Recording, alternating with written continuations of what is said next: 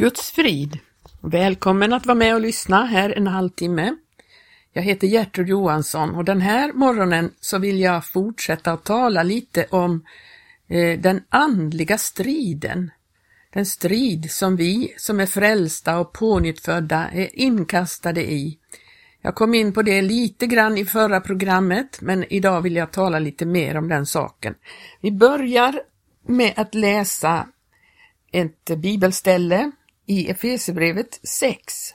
Det är väldigt välkänt, men vi läser därifrån tionde versen. För övrigt, bliv allt starkare i Herren och i hans väldiga kraft. Ikläder hela Guds vapenrustning så att ni kan hålla stånd emot djävulens listiga angrepp. Ty den kamp vi har att utkämpa är en kamp icke mot kött och blod, utan mot furstar och väldigheter och världshärskare som råder här i mörkret, mot ondskans andemakter i himlarymderna. Ta alltså på er hela Guds vapenrustning så att ni kan stå emot på den onda dagen och sedan ni har fullgjort allt behålla fältet. Stå därför omgjordade kring era länder med sanningen och var iklädda rättfärdighetens pansar. Och ha såsom skor på era fötter den beredvillighet som fridens evangelium giver. Och tag alltid trons sköld varmed ni ska kunna utsläcka den ondes alla brinnande pilar. Och låt giva er frälsningens hjälm och andens svärd som är Guds ord. Gör detta under ständig åkallan och bön så att ni alltjämt beder i anden och för den skull vakar under ständig uthållighet och ständig bön för alla de heliga. Det här bibelstället är ju oerhört viktigt att vi förstår att den kamp vi utkämpar är en kamp, inte mot kött och blod. Och så får vi också vägledning i det här bibelstället att det handlar om att ta på sig den här vapenrustningen genom att vara i ständig bön. Bönens betydelse är så oerhört viktig i den här kampen och striden som vi är inkastade i. Vad jag skulle vilja vi, visa eller peka på i det här programmet, det är att det är ju som vi sa en kamp eh, i, i, mot ondskans makter i himlarymderna, men Själva arenan för denna strid, den utkämpas i våra hjärtan. Det är i våra hjärtan som den här striden pågår och därför är det så viktigt att vi förstår eh, det hela, att hela vårt liv är i ett sammanhang och det livet ska infogas i Guds plan och, och det är det som gör att vi kan vinna seger i den här striden, i den här kampen. Och då kan vi bli, som det står i Filipperbrevet, att vi kan bli himlaljus i världen. Att vi blir någonting från en annan värld som lyser väg för människorna i den här tiden. Det är ont i tiden, men om vi blir det Gud har tänkt om oss och det Gud har, har planerat för oss, då kan vi bli redskap åt att vinna seger i den här kampen. Förra gången så läste jag ett utdrag, eller en hel del utdrag ur en bok som heter Ett lyckligt liv utav Rolf och Lina Wiström. Och jag läste om hur de upplevde krigsutbrottet eh, när andra världskriget bröt ut och, och hur de kämpade med sig själv och sina egna, eh, ja, att vara, eh, vara trygg och tro på Gud mitt i det här och eh, det, det, finns ju många saker man kan ha i sitt inre och i sitt liv som man behöver vinna seger över. Jag ska läsa ett litet sammanhang ur den boken idag också. Och, och där, det, där det handlar om det här att eh, Gud har en plan med våra liv och eh, vi behöver komma in i den planen och det handlar om vårt lilla enkla vardagsliv många gånger. Jag ska läsa ur ett sammanhang på sidan 210 i den här boken. Så står det så här.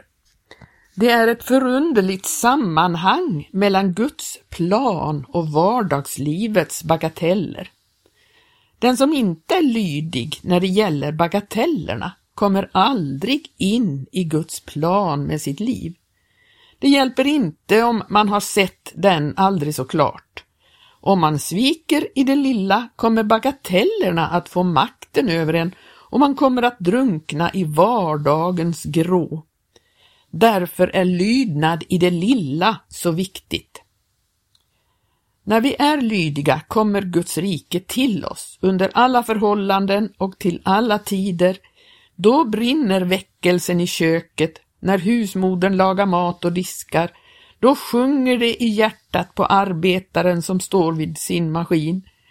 Elden och kraften breder ut sig i samhället och genomsyrar det. Det typiska för dem som lever i väckelsen är att Guds rike är en verklighet för dem. Det är ingen teori. Därför blir deras liv och de själva det starkaste vittnesbörd om Guds rike.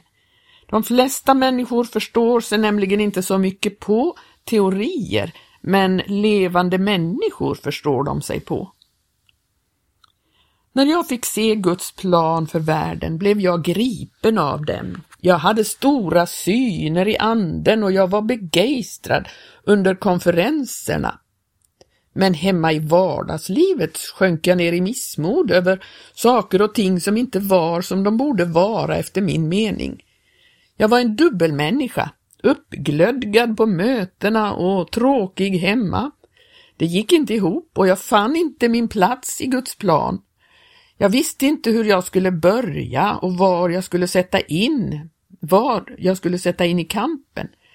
Jag brann efter att dra ut i världen och uträtta något stort för Gud och på så sätt slippa undan alla tråkigheter hemma i vardagslivet. Dessa tusen små saker som skulle göras och allt detta som aldrig blev annorlunda. Så var jag åter på en konferens. Där kom jag i samspråk med en engelsk professor som mycket enkelt och naturligt berättade för mig hur han hade det hemma i sin familj. Innan jag lämnade mitt liv åt Gud, sa han, var det jag som bestämde allt. Jag kunde allt från att öppna konservburkar till att spela orgel. Utan att förstå det och vilja det så utövade jag ett tryck på min fru så att hon fick mindervärdeskänslor. Men sen Gud fick hand om mitt liv började jag tjäna istället för att härska. Och sen frågade han mig rakt på sak hur jag hade det. Jag fick förtroende till honom och innan jag riktigt hann tänka mig för så berättade jag för honom om mina verkliga problem. Det var hur jag kom till korta i vardagslivet. Jag kände mig nog lite ynklig när jag kom fram i ljuset med dessa struntsaker som jag irriterade mig över. Men det var först då jag sa det som jag förstod hur skrattretande det egentligen var. Där gick jag omkring med den stora synen av Guds världsplan och blev arg när jag hittade knappnålar på golvet. Min nya vän skrattade så att han slog sig på knäna och för första gången kunde jag också skratta åt mig själv. Det var befriande. Men sen blev han mycket allvarlig och frågade om jag var på det klara med att jag stängde för Guds plan med min förargelse över dessa bagateller. Då begrep jag plötsligt varför jag aldrig hade kommit in i Guds plan med mitt liv. Jag hade inte börjat i den rätta ändan. Jag hade velat börja med det stora, men Gud pekade på det lilla. Det var hemma i vardagslivet skon klämde. Min vän sa en mening som brände sig in i mitt hjärta för alltid. Är du villig till att bli ett intet i ditt eget hem? Sen gav han mig det rådet att jag skulle gå upp på mitt rum och böja mina knän och be Gud om förlåtelse. Jag gjorde det och jag fick möta Gud. Jag fick se att det inte var Gud som bestämde hemma utan jag. Jag såg hur jag med min kritik och mina krav hade hindrat min hustru från att komma in i Guds plan. Jag såg att jag utan att veta det hade blivit en hycklare och farisé, vilket jag sist av allt hade velat vara. När jag kom hem var jag inte gripen av stora syner om världens förvandling, syner som snart skulle krossas under vardagens tysta småsaker, men jag var fast besluten om att ödmjuka mig inför Gud och göra hans vilja just när det gällde alla dessa saker. Då jag kom in i Guds plan och inte bara jag, när då kom jag in i Guds plan och inte bara jag men också min hustru. Det visade sig att Gud hade en lösning på alla dessa praktiska problem. Det löstes i våra hjärtan när kritiken kom ut och kärleken kom in. Vi kom in i Guds ledning med vårt vardagsliv och vi fick detta underbara samarbete som började vid diskbaljan och fortsatte vid skrivbordet. Utan detta samarbete hade denna bok aldrig blivit till. När väckelsen kom in i vårt vardagsliv blev det ingen vardag mer. Då blev det kamp och seger. Det var inte längre något hinder mellan Guds plan och vårt liv. Jag träffade en gammal vän en av de dagarna och jag berättade lycklig om det nya livet. Det flödade över så jag kunde inte tala om annat. Men när jag var färdig sa han, ja, det var nu det, men hur har du det annars? Annars, utropade jag, det finns inte något annars. Detta är allt. Detta är hela livet. Jag har inte något privatliv bredvid detta. Så långt läser vi ur den här boken Ett lyckligt liv av Rolf Wiström.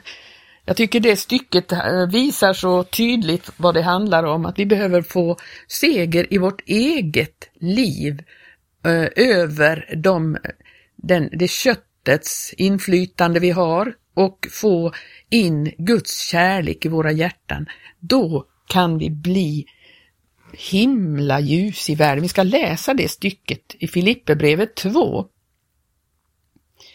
Där står det från tolfte versen Därför, mina älskade, alltså Filipperbrevet 2 och 12.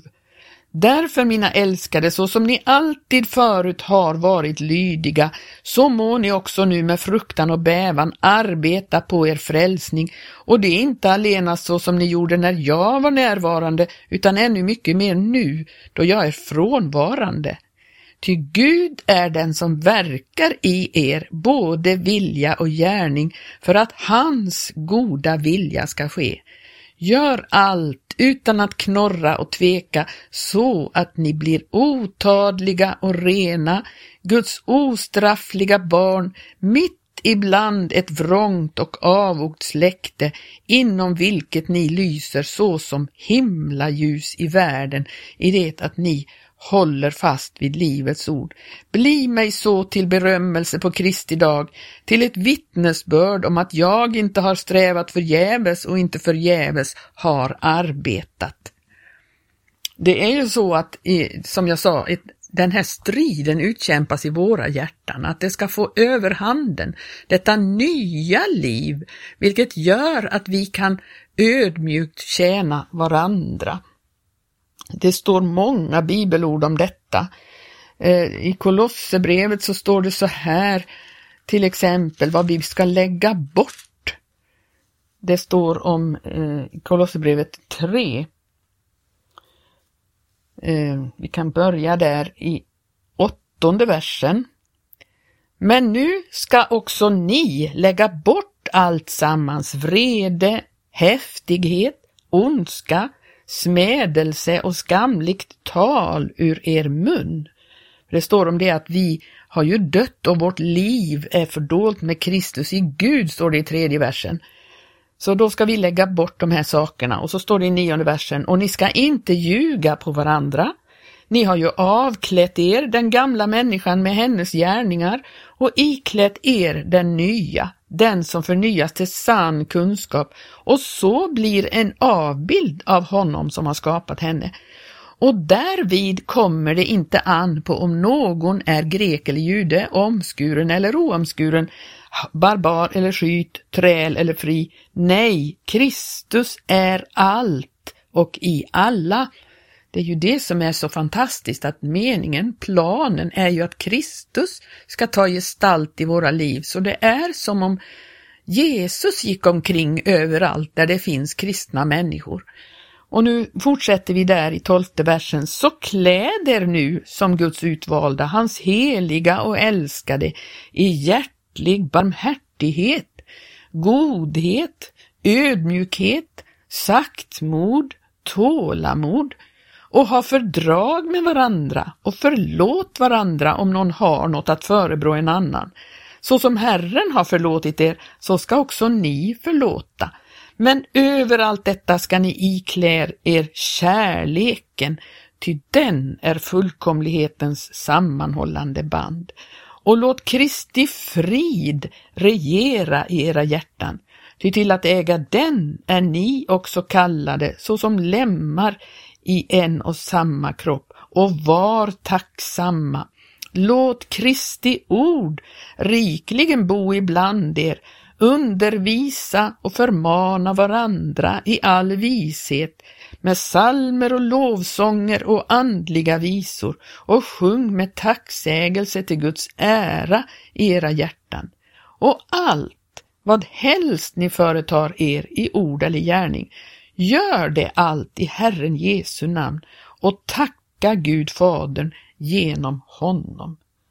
Är det inte fantastiskt vilken bild det framträder här om hur det skulle vara ifall alla kristna lät detta ske? För vi har så mycket i vårt eget väsen. Jag talade om detta också förut att vi är rädda för att överlåta oss helt för vi tycker att det finns så mycket hinder i vårt väsen. Vi har så mycket egoism. Vi tänker faktiskt mer på oss själva och på vårt eget, våra egna barn, våra egna förhållanden än vi tänker på andras. Vi, har, vi sätter oss själva i första, eh, första rummet många gånger. Det finns många fler ord att eh, läsa om det här. Vi kan titta i eh, första Petri brev. Det står mycket där.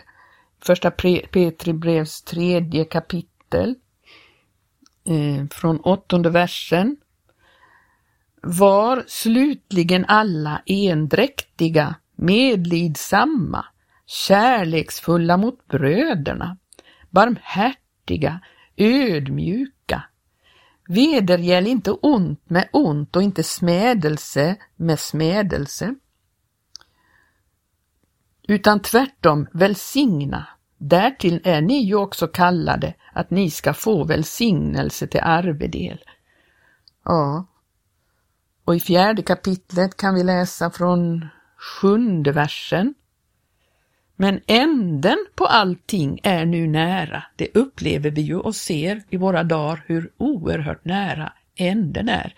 Det är så eh, viktigt att vi är vakna över detta så att inte vi blir slöa eller ljumma i det här utan vi strävar efter de här tingen som jag läser om här.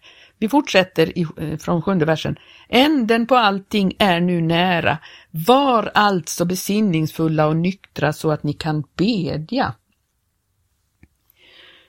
och var framförallt uthålliga i er kärlek till varandra, ty kärleken överskyler en myckenhet av synder. Var gästvänliga mot varandra utan knot och tjäna varandra, var och en med den nådegåva han har undfått såsom goda förvaltare av Guds mångfaldiga nåd om någon talar så vara hans tal i enlighet med Guds ord och om någon har en tjänst så sköter han den efter måttet av den kraft som Gud förlänar så att Gud i allt blir ärad genom Jesus Kristus. Honom tillhör äran och väldet i evigheternas evigheter. Amen. Det är frågan om detta att Guds rike ska breda ut sig och det gör det i våra enkla små liv, om vi låter allt det här flöda fram ur oss, då blir vi faktiskt, som det står, eh, ljus som lyser i mörkret. Vi blir eh, någonting från en annan värld som bryter in i den här mörka, hemska världen.